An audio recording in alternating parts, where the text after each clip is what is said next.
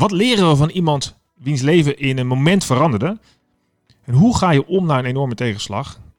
En wat moet je eigenlijk doen om te zorgen dat je, ondanks een gigantische verandering in je leven, nu toch in staat bent andere mensen te gaan helpen? Ik ga in gesprek met Willem Hoofd. Ik vind het sowieso ontzettend leuk, want hij is net als ik kitesurfer. Daar gaan we het zeker ook over hebben. Maar hij heeft ook een heel bijzonder verhaal. Ik, uh, ik heb wat onderzoek gedaan naar hem. En ondanks zijn verandering waar we het over gaan hebben, heeft hij een enorm positieve inslag. En heeft hij ook een stichting opgezet waar we straks over gaan spreken. Wat leuk is dat je weer luistert naar de podcast Je Geld en Of Je Leven. Mijn naam is Michiel van Vught. En ik probeer elke keer deze twee thema's bij elkaar te brengen. Om jou te helpen zo'n leuk, fijn, makkelijk mogelijk leven te leiden. Waar je slimme keuze om geld maakt. Deze podcast is mede mogelijk gemaakt door NNK Vermogensbeheer.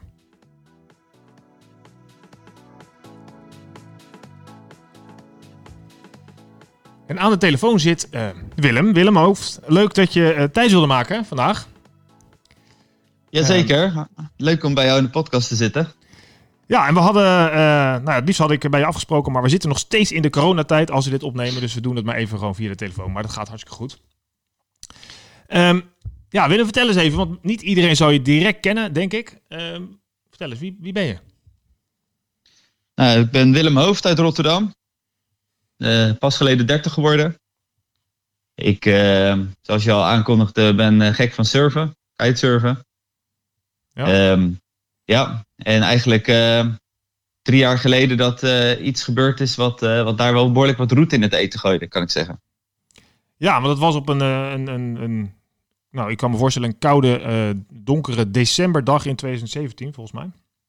Uh, 2016 nog net. 2016 ja. nog net. Ja, je reed uh, op je motor naar je werk. En toen gebeurde er iets.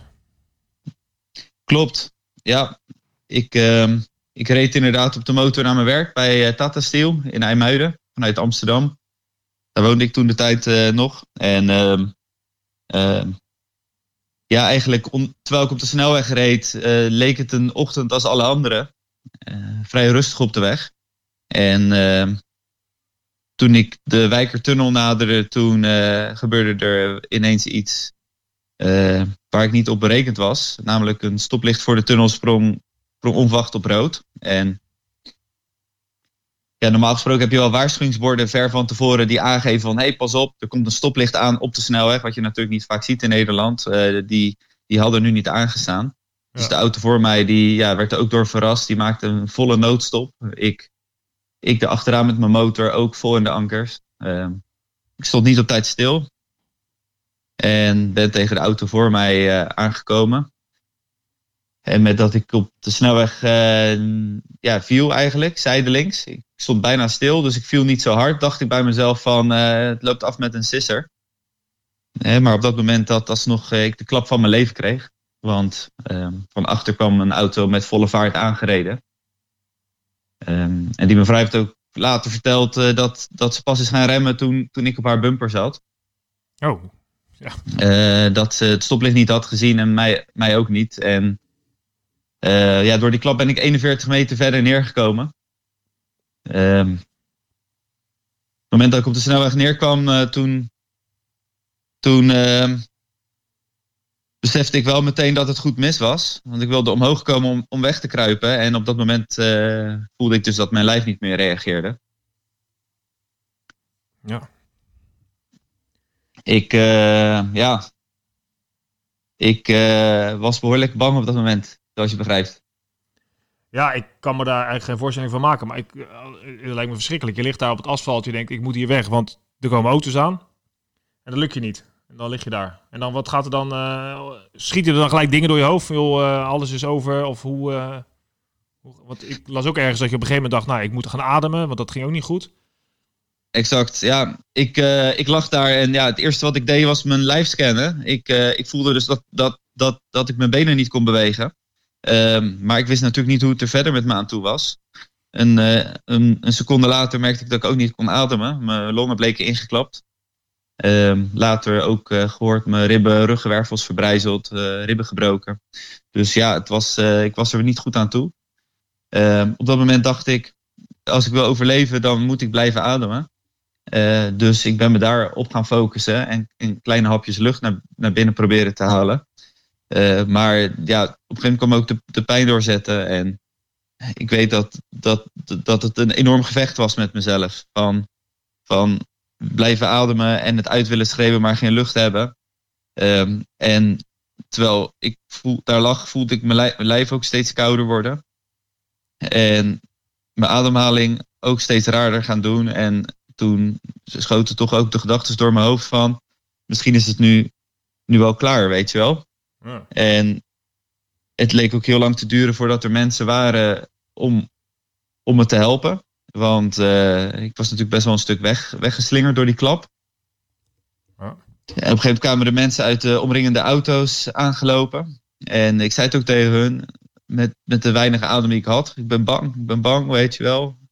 Of ik ga, dat ik niet ga overleven. En uh, ik hoopte dat zij mij misschien een beetje gerust konden stellen. Uh, dus uh, een man die buigt zich over mij heen en die kijkt me met een lijkbleek gezicht aan en die zegt zo: ja, daar heb je ook alle reden toe, want het ziet er ook echt niet goed uit, weet je wel. nou, op dat moment dacht ik van, laat me maar weer alleen, weet je wel. Ja, want, uh, precies. bedankt. Ja, dat was uh, niet, niet waar ik op zat te wachten op dat moment. Maar ja, onderhand was er natuurlijk ook de ambulance gebeld. Uh, traumahelikopter kwam erbij. En ik merkte eigenlijk toen de ambulancebroeders bij mij waren, dat, dat voor het eerst ik wat, wat rustiger of wat meer vertrouwen weer begon te krijgen van, hé, hey, ik ga dit wel overleven. Want ik merkte aan hun reacties ook dat het echt goed mis was. Alleen zij gingen zo professioneel te werk dat ik ook merkte van hé, hey, deze mannen gaan zich over mij ontfermen en, en ze gaan er alles aan doen om, uh, om me te redden. En ja, ik merkte dat, dat, dat ik daar heel veel houvast aan had. Ja, dus dat gaf je op dat moment al dat je dacht, nou, we gaan eigenlijk, uh, um, ik kom hier misschien wel uit. Uiteindelijk eindig je natuurlijk in het ziekenhuis, ga je allerlei operaties uh, moet je ondergaan en dergelijke. Exact, ja. Nou ja, eigenlijk voor de operaties nog uh, dat ze al allerlei scans hadden gedaan en ik al vrij snel het bericht kreeg waar ik al bang voor was. Dat uh, de arts aan mijn bed kwam en die zei, uh, hey Willem, het spijt me dit te moeten zeggen, maar um, je hebt een complete dwarslezing. En dat betekent dat je de rest van je leven niet meer zal kunnen lopen en in een rolstoel verder moet. Ja, en wat gebeurt er dan? Ik hoor dat besef op zo'n moment van, joh, of is dat... Hoe nou, op dat moment mijn grootste angst werd werkelijkheid. Ik voelde het ergens natuurlijk al aankomen, uh, omdat, omdat ik niks meer voelde in mijn benedenlichaam. Ja. Uh, maar toen ik dit, dit, hoorde, toen voelde ik echt mijn hele leven onder me vandaan vallen. Op dat moment uh, was ik volop aan het werken aan mijn carrière bij, bij Tata Steel. high potential, een masterstudie erbij in de weekenden. Ik was er echt vol voor aan het gaan. Nou ja, die carrière zag ik aan me voorbij vliegen.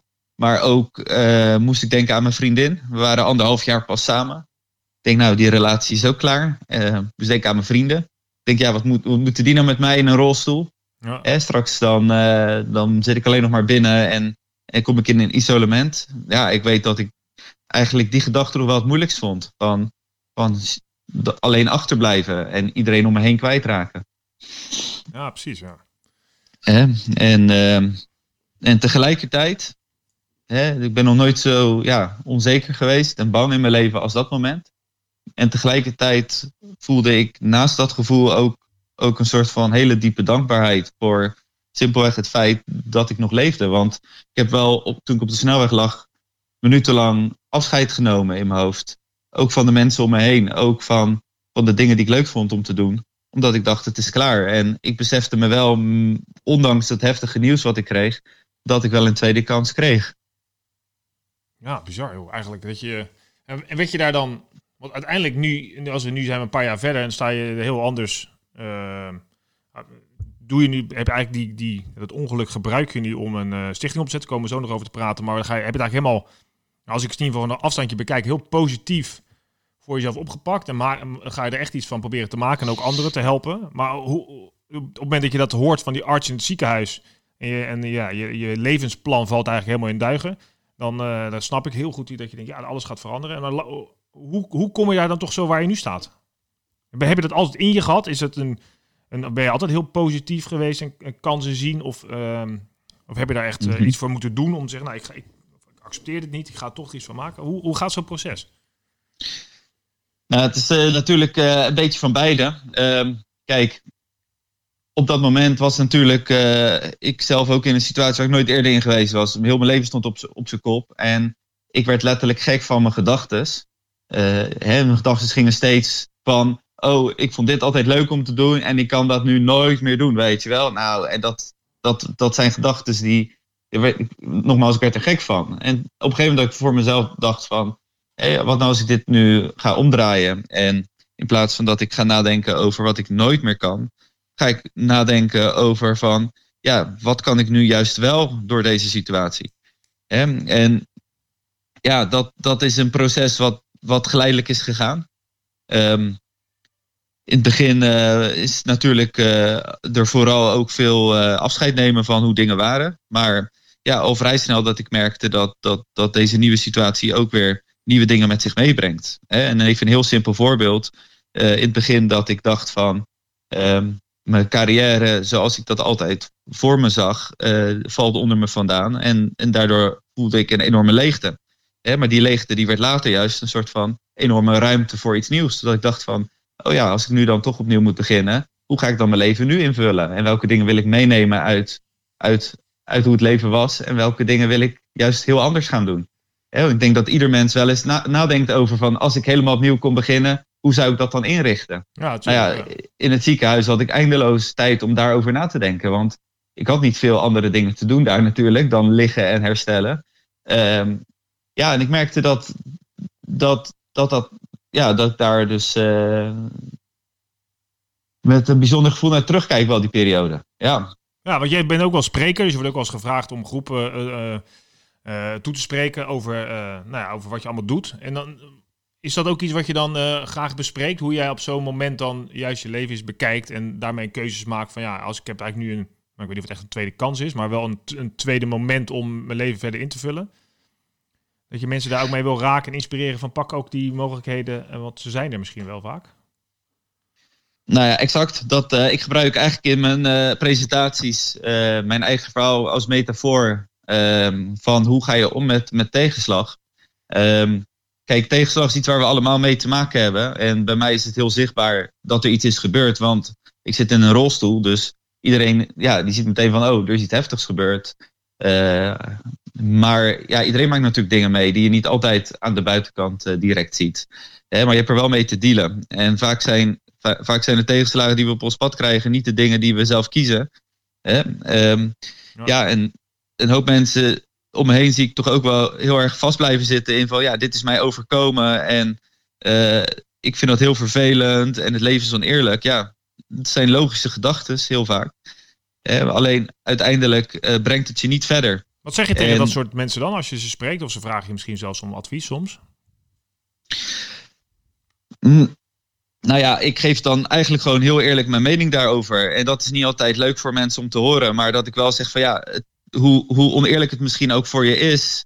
In je slachtofferrol gaan zitten, gaat je eigenlijk alleen maar in de situatie houden en niet verder brengen. En dan gebruik ik ook mezelf als metafoor van, kijk, als ik um, in de slachtofferrol was blijven zitten na mijn ongeluk. Ik bedoel, ik ben een verkeersslachtoffer, maar ik voel me geen slachtoffer. Weet je wel? Uh, als ik alleen maar thuis was gaan zitten en medelijden met mezelf had, waarschijnlijk had niemand me het kwalijk genomen. Alleen ik denk niet dat ik veel mensen omheen had gehad nu nog drie jaar later, weet je wel? Even een simpel voorbeeld, want op een gegeven moment is het gewoon ja, negatieve energie en, en dat jaagt mensen om je heen weg. Ja. Uh, doe, doe je tegenovergestelde. Hè? Ga je zeg maar, in plaats van in de slachtofferrol zitten, uh, zelf gewoon de regie over je leven terugpakken. Zo van, hey, het is een hele lastige situatie waar ik in zit, maar um, laat ik kijken of je het kan gebruiken als een levensles en ervan leren. En kijken of, of, of juist misschien hetgeen wat nu gebeurd is, of ik dat kan inzetten als een kans om, om te vernieuwen en dingen anders te doen. Dan, dan, dan is het eigenlijk altijd zo dat in elke tegenslag ja, ook juist een, een, een, kans of een mogelijkheid verborgen zit om te groeien als mens of, of om dingen anders te gaan doen. In mijn situatie heeft het, er, heeft het ertoe geleid dat ik, uh, zoals ik al zei, mijn carrièrepad opnieuw ben gaan bekijken. Mijn grootste passie in het leven is uh, surfen, zoals ik al eerder zei. Ik uh, had maar één droom na mijn ongeluk. En dat is, ik wil weer terug het water op. En ik wil mijn surfdromen waar gaan maken. En alle mooie surfreizen gaan, gaan waarmaken die ik altijd al had willen doen, maar altijd aan het uitstellen was. Um, het gevolg nu is dat ik uh, dat professioneel mag doen binnen een, uh, een van de grootste kiteteams van de wereld. Um, ja, dat is iets wat ik drie jaar geleden niet eens als een mogelijkheid had gezien. Maar juist nu, doordat ik in een rolstoel terecht ben gekomen, wel ineens een mogelijkheid is geworden. Ja, wat te vertellen. Ik ben ook van het kitesurfen. Ik, uh, jij was, je bent een goede windsurfer en ook gaan kitesurfen. Dat doe je nu nog steeds uh, op een, uh, op, een, nou, op bijzondere manier, je mij vraagt. heel gaaf hoe je dat oppakt. Maar vertel eens even de mensen die nog nooit hebben gekitesurfd, gewindsurfd. Waarom is dat zo? Kan je uitleggen wat het gevoel is? Want ik voel direct wat je waar het over hebt. Maar leg eens uit waarom dat zo, zo belangrijk voor je is. Waarom je er zoveel passie voor hebt. Nou, voor mij is surfen echt ehm, ehm, ja, eigenlijk het ultieme gevoel van, van vrijheid. Het is op het moment dat ik, uh, ook voor mijn ongeluk was dat, even met mezelf wilde zijn, mijn gedachten op een rij wilde zetten of even gewoon lekker uh, sportief bezig wilde zijn, dan ging ik lekker ja, het strand op, het water op. En uh, één met de natuur, weet je wel. Ja. Um, voor mij is er geen gevoel wat, wat daarboven gaat. Hè? En ik merkte toen na mijn ongeluk had ik natuurlijk een hele hoop ja, dingen, emoties en gedachten om mee, mee te dealen. En ik miste het heel erg om die uitlaatklep te hebben. Hè? Lekker uit te waaien op het strand. Ja, precies. En, uh, en ja, ik heb dat toen ook uh, ben gaan kijken van nou, wat zijn mijn mogelijkheden uh, om weer te gaan surfen met verlamde benen. Nou ja, precies. En, want daar zat ik aan te denken. Ik, ik kijk zelf nu, denk ik, een jaar of zes, zeven. En de eerste Zeker de eerste twee jaar. Ik ging niet super vaak, ook door jonge kinderen. Maar als ik dan ging, ik wilde het graag leren, want ik vond het echt tof. Maar het is een, uh, je moet en de vliegen goed onder controle hebben als je gaat kiten. Maar je moet ook je bord onder controle hebben. Het is een soort, ik weet niet of het nou echt skateboarden is, maar je moet wel... Kijk, als je uh, er op je bord staat, zoals ik, dan moet je met je heupen en je, en je, je houding van je lichaam. Dus er zit heel veel techniek in dat bord, plus die vlieger. Nou, dat is al niet makkelijk. Maar jij hebt, zeg maar, die... Jij hebt uiteindelijk aangeleerd om het zitten te doen hoe is dat gewoon dat je denkt, ja, ik moet weer op dat bord. Ik ga dit gewoon uh, kost wat kost proberen. Want dan lig je voor de eerste paar keer in het water en dan, dan wap je alle kanten op natuurlijk. is, mhm. hoe, hoe heb je dat op een gegeven moment bedacht, ja, ik ga er gewoon een stoeltje op maken of zo. Hoe gaat zoiets? Nou ja, zoals ik al eerder zei, ik had natuurlijk eindeloos tijd om na te denken tijdens mijn uh, revalidatie. En uh, ik lag echt soms nachtenlang wakker en dan hierover te fantaseren van, nou, hoe kan ik dit nu weer mogelijk maken? op internet vond ik heel weinig over, over ja, de mogelijkheden. Dus ik, had het plan om zelf iets te gaan ontwerpen met vrienden. En te gaan testen. En nou ja, het zou echt een soort van jarenlang project worden. Maar het was alsof het toeval ermee speelde. Want um, de week dat ik de revalidatie uit was en we wilden gaan beginnen met het ontwerpen van het bord, stuurt ineens een vriend van mij een video naar me toe. Die zegt: Willem, moet je kijken. En ik zie op die video een man in een rolstoel die aan het kitesurfen is. En niet een beetje op een plasje, een beetje heen en weer varen. Hè, maar echt juist in van die hoge golven en door de lucht heen springen en al die dingen. Precies wat ik heel gaaf vond om te doen. Dus ik dacht bij mezelf, ik wil weten wie deze man is. En ik wil weten welke, welke spullen hij gebruikt. Want dit gaat mijn, mijn proces met jaren versnellen, weet je wel. Precies. Dus uh, we zijn met uh, een zoektocht begonnen wie hij is en waar hij woonde. En uh, ja, geloof het of niet, maar van overal op de wereld waar hij kon wonen, bleek hij dus nog geen half uur bij mij vandaan te wonen. In, in Scheveningen. En contact met hem opgezocht. En ja, hij vertelde ons dat hij zelf een jaar of uh, zes bezig was met, met kitesurfen. Zit kitesurfen. En ehm, hij zei ook van ja, je hebt een lot uit de loterij getrokken dat je mij hier zo nu spreekt. Want wereldwijd zijn er misschien zes, zeven mensen die, die deze sport doen. En daarvan ben ik wel degene die het meest fanatiek is. Dus ja, ik, ik dat heeft mij enorm veel, veel tijd bespaard met heel veel ontwikkeling moeten doen. Um, ik, ik wilde, voor mij was het heel duidelijk, ik wil het bord wat hij heeft zelf ook hebben en daarmee ga ik mijn surfdromen waarmaken. Uh, het lastige was alleen dat het, het laten maken van het bord veel geld ging kosten. Um, ik had 10.000 euro nodig voor het maken van de materialen en, en mijn ticket naar Zuid-Afrika. Ja, en dat geld had ik op dat moment niet.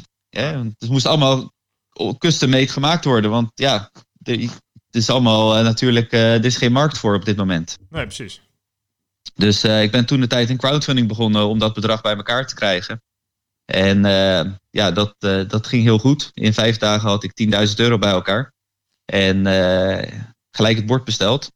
En ehm, ja, precies een jaar na mijn ongeluk uh, dat ik uh, mijn eerste surfsessie weer kon doen op die manier. Dus ja, dat is echt honderd keer sneller gegaan dan dat ik überhaupt had durven denken. Ja, en nu heb je dan dus daarmee nog een stap gezet. Want je, je, je, je, je komt waarschijnlijk achter dat er meer mensen zijn zoals jij die dit wel willen doen, maar daar geen mogelijkheid meer toe zien. En dacht, weet je wat ik doe? Ik denk gewoon groot. Ik ga meer mensen helpen. Ik ga het ook niet alleen maar in de stichting doen, maar je hebt de Willem Hoofd Foundation gestart. En volgens mij, als ik het goed las, is de, de gedachte om daar meer mensen bewust te maken van de mogelijkheid van uh, onder andere zitkitesurfen. En daar ook uh, aandacht voor te hebben. En ook mensen daar uh, te helpen. En hoe werkt het? En vertel daar eens wat over. Exact. Nou ja, um, eigenlijk zoals je al zegt. Ik bedoel, ik ben zelf nu 3,5 jaar verder sinds mijn ongeluk. En um, ja, ik heb ook op het gebied van, van, van zitkiten een hoop um, er zijn een, hoop, ja, een, hoop, een hoop kansen gekregen, weet je wel. Ik heb die crowdfunding gedaan, zoals ik zei. Maar het was een enorme drempel om alleen al het geld bij elkaar te krijgen om een bord te kunnen kopen. Uh, ik heb uh, uiteindelijk les kunnen krijgen van, van vrienden om mij heen, omdat er geen surfscholen op dit moment zijn die lesgeven in zitkiten. Uh, al met al moest ik een enorme drempel over om überhaupt te kunnen beginnen met deze sport. terwijl nu ik dit aan het doen ben, geeft het me zoveel gevoel van vrijheid terug. En dat is gewoon heel fijn als je in een rolstoel zit. Want een rolstoel is best wel beperkend in, in hoe je je voelt. Ja. Uh, qua vrijheid. En dan is dat ja, surfen uh, een supergoeie uh, balans daarmee, weet je wel. Ehm, ja, zodoende dat ik op het idee kwam om een stichting op te zetten. Um, de Willem Hoofd Foundation. Om eigenlijk die drempel te gaan verlagen voor mensen. En wat doen we met de stichting is enerzijds zijn we bezig met de ontwikkeling van uh, surfproducten voor mensen met een handicap. Hè? Dus denk aan een veilig uh, surfboard. Kitesurfboard moet ik erbij zeggen. Hè? Maar ook uh, het opnemen van lesmateriaal. Dus een soort van videotutorials voor op YouTube. Dat mensen die het willen leren ook kunnen kijken van nou, waar moet ik allemaal op letten. Maar ook specifiek voor kitescholen dat ze weten van hey, als je met iemand, iemand les gaat geven die in een rolstoel zit wat zijn de extra veiligheidsdingen waar je op moet letten? Uh, ja, en daarnaast uh, uh, gaan we dit jaar de eerste SitKite Clinics in Nederland ook organiseren. We hebben contact met Surfana Festival. Dat als het door mag gaan dit jaar, dat is het eerste weekend van september, gaan we daar ook de eerste SitKite Clinic geven. Dus voor mensen die geïnteresseerd zijn, of als je zelf mensen in je omgeving kent met een lichamelijke handicap, waar je denkt, hé hey, tof, je moet hiervan weten stuur ze vooral naar, uh, naar de website willemhoofdfoundation.com. Ja, zet hem ook in de show notes, kunnen mensen ook zien. Hoofd met een T, hè? Hoofd met een T, exact. En daar staat ook uh, alle informatie over wat we doen en de toekomstige evenementen. Dus ehm, ja, neem vooral contact op als je vragen hebt. Onwijs leuk. Ja, nou, ik, ja, ik ga je van harte, van harte aanbevelen. Want het is natuurlijk wel iets wat je, je geeft, wat je wel mooi zegt. Het is natuurlijk een stukje vrijheid die je misschien wel weer teruggeeft. Kijk, ik zit niet in de rolstoel, dus ik kan me dat wel voorstellen. Maar ik voel natuurlijk niet wat jij voelt. Maar de gedachte, en dat is sowieso met kiten of met windsurfen waarschijnlijk ook, dat je voelt je gewoon heel vrij op het water. En dat ik kan me voorstellen dat het heel bevrijdend kan zijn. Dat je denkt, oh, ik mag weer lekker. En dat geeft een heel, uh, misschien wel kwaliteit aan, aan leven zelfs aan, uh, aan mensen. Wat extra, ja, ja. Zeker. En tijdens mijn crowdfunding zei, was mijn slogan ook van lopen kan ik niet meer, maar vliegen, dat ga ik leren. En dat is me gelukt. En ik zou heel graag andere mensen helpen om datzelfde gevoel te ervaren. Want ja, dat, dat, ik moet eerlijk zeggen, dat, dat, dat gevoel van door de lucht heen vliegen of over het water heen vliegen. En de snelheid. En ja, dat, dat, dat is zo gaaf. En als ik dat dan, weet je wel, vergelijk met uh, dat je in je rolstoel toch uh, ja, altijd wat, wat minder bewegelijk ben dan, dan anderen, dan ja, het is, het is heerlijk om, om, om dat ernaast te kunnen doen. Ja, dat snap ik. Ik weet zelf nog toen ik mijn eerste sprongetje maakte. Ik ben al helemaal, ik ben echt absoluut niet zo goed als jij. Maar ik, ik weet nog dat ik dacht, dat ik zei tegen mijn vrouw van, joh, uh, zag je dat? Ik ging echt, ik zag de aarde onder mijn klein worden, weet je wel. En zo'n gevoel had ik. En zij zei, huh, was dat, ging ik überhaupt wel los van het water. Maar al een mini sprongetje geeft al een gevoel van, oh, wat, wat is dit voor enorme vrijheid. En zeker als je dat dan onder de knie krijgt, dan is dat inderdaad een waanzinnig gevoel. Het vliegen en over die golven. En, uh, dus ik snap heel goed. En ik vind het echt enorm tof dat je daarmee ook um, van een, een, een ja, een, ja, eufemistisch gezegd een enorme tegenvaller uiteindelijk toch iets heel bijzonders maakt. En, je, en daarmee andere mensen ook wil helpen. Echt gaaf. -hmm. Ja, het is ook een wijs gaaf om te zien hoe het wordt opgepakt door, uh, door de ja, mensen om me heen of bedrijven om me heen. Die, uh, die ik hierover heb verteld. Dat we zijn eigenlijk nu net online met met de website. En eh, ja, verschillende bedrijven die eigenlijk hebben gezegd: hey, we willen ons hier graag bij aansluiten. Ook uh, het kitemerk die heeft gezegd: van nou, we willen wel een set kites doneren, dat jullie daar les mee kunnen geven. En ja, um, de Dirk Kuyt Foundation die zegt: we willen jullie gaan helpen met het opzetten van de eerste evenementen. En Esther Vergeer Foundation die ons wil helpen. Nou, het is echt superleuk om te zien van hoe, hoe ja, dit nu ook weer in een soort van flow terechtkomt. Dat ik denk van nou ben heel benieuwd waar we over een paar jaar staan, zeg maar. Ja, en, en hopelijk uh, een hoop mensen kunnen helpen en, en daarmee ook de sport. Ja. Ja, ik denk dat het gaat lukken. Ik, uh, ik ga me sowieso mijn best doen om uh, ook jouw boodschap te verspreiden aan de mensen die ik ken. En ik wil je ontzettend bedanken dat je tijd wilde maken in jouw drukke schema om je verhaal te vertellen. Um, nogmaals, alles komt in de show notes. Willem Hoofd met een t foundation.com vind je allerlei informatie over de stichting van Willem. Uh, we hebben het voor mij met name gehad, Willem. Wat ik uh, inspirerend vind, is dat je ondanks een enorme tegenslag die jij hebt moeten ondergaan, je, je, uh, je, toch gewoon zegt: Ik neem het recht eigenlijk in eigen hand. Ik bepaal zelf hoe ik mijn leven ga invullen. En ik zoek gewoon weer mo mogelijkheden om, het, om, ja, om de tweede kans die ik dan toch heb, er het beste van te maken. Klopt dat? Mm -hmm. Heb je het ook een beetje dat gevoel dat, dat we het daarover gehad hebben? Ja, zeker, zeker. Ja. ja. En ja, ik ik ben zelf ook uh, blij dat het zo heeft mogen lopen in de afgelopen 3,5 jaar. En uh, ja, dat is voor mij ook dat ik denk van uh, de reden dat ik nu lezingen geef. om hopelijk ook andere mensen te, te motiveren of te inspireren. Om, om vooral ook dat gevoel te vertrouwen wat iedereen wel denk ik in zich heeft. Van ehm, ja, te vertrouwen op je intuïtie en je dromen te volgen. Want uiteindelijk is dat denk ik hetgeen wat je het gelukkigst maakt. En dan denk ik van ja, ik zit nu in een rolstoel, maar ik voel me nu gelukkiger dan dan 3,5 jaar geleden daarvoor. Uh, omdat het voor mijn gevoel veel meer het leven leven wat van mij is. In plaats van het leven leven waarvan ik denk dat ik het moet leven. En uh, ja, dat gevoel vertrouwen, dat, dat kan ik iedereen aanbevelen. Nou, dat lijkt me een fantastische uh, afsluiting. Ik wil je ontzettend bedanken voor je, voor je bijdrage, Willem. En um, jullie bedanken voor het luisteren natuurlijk. En als je dit nou een leuk verhaal vindt, deel het dan. Want dat helpt ook weer om aandacht te, te geven aan de stichting van Willem. En uh, zoals je weet is mijn doel om 10 miljoen mensen te bereiken om uh, uiteindelijk iets slimmers te doen voor hun eigen leven of voor de mensen om hen heen. Dus als je dit een aardige podcast vindt, waardeer hem dan eventjes op uh, iTunes en waar je het allemaal kan waarderen. Dat helpt. Nogmaals dank voor het luisteren en volgende week of de week daarna weer een nieuwe podcast. Dankjewel.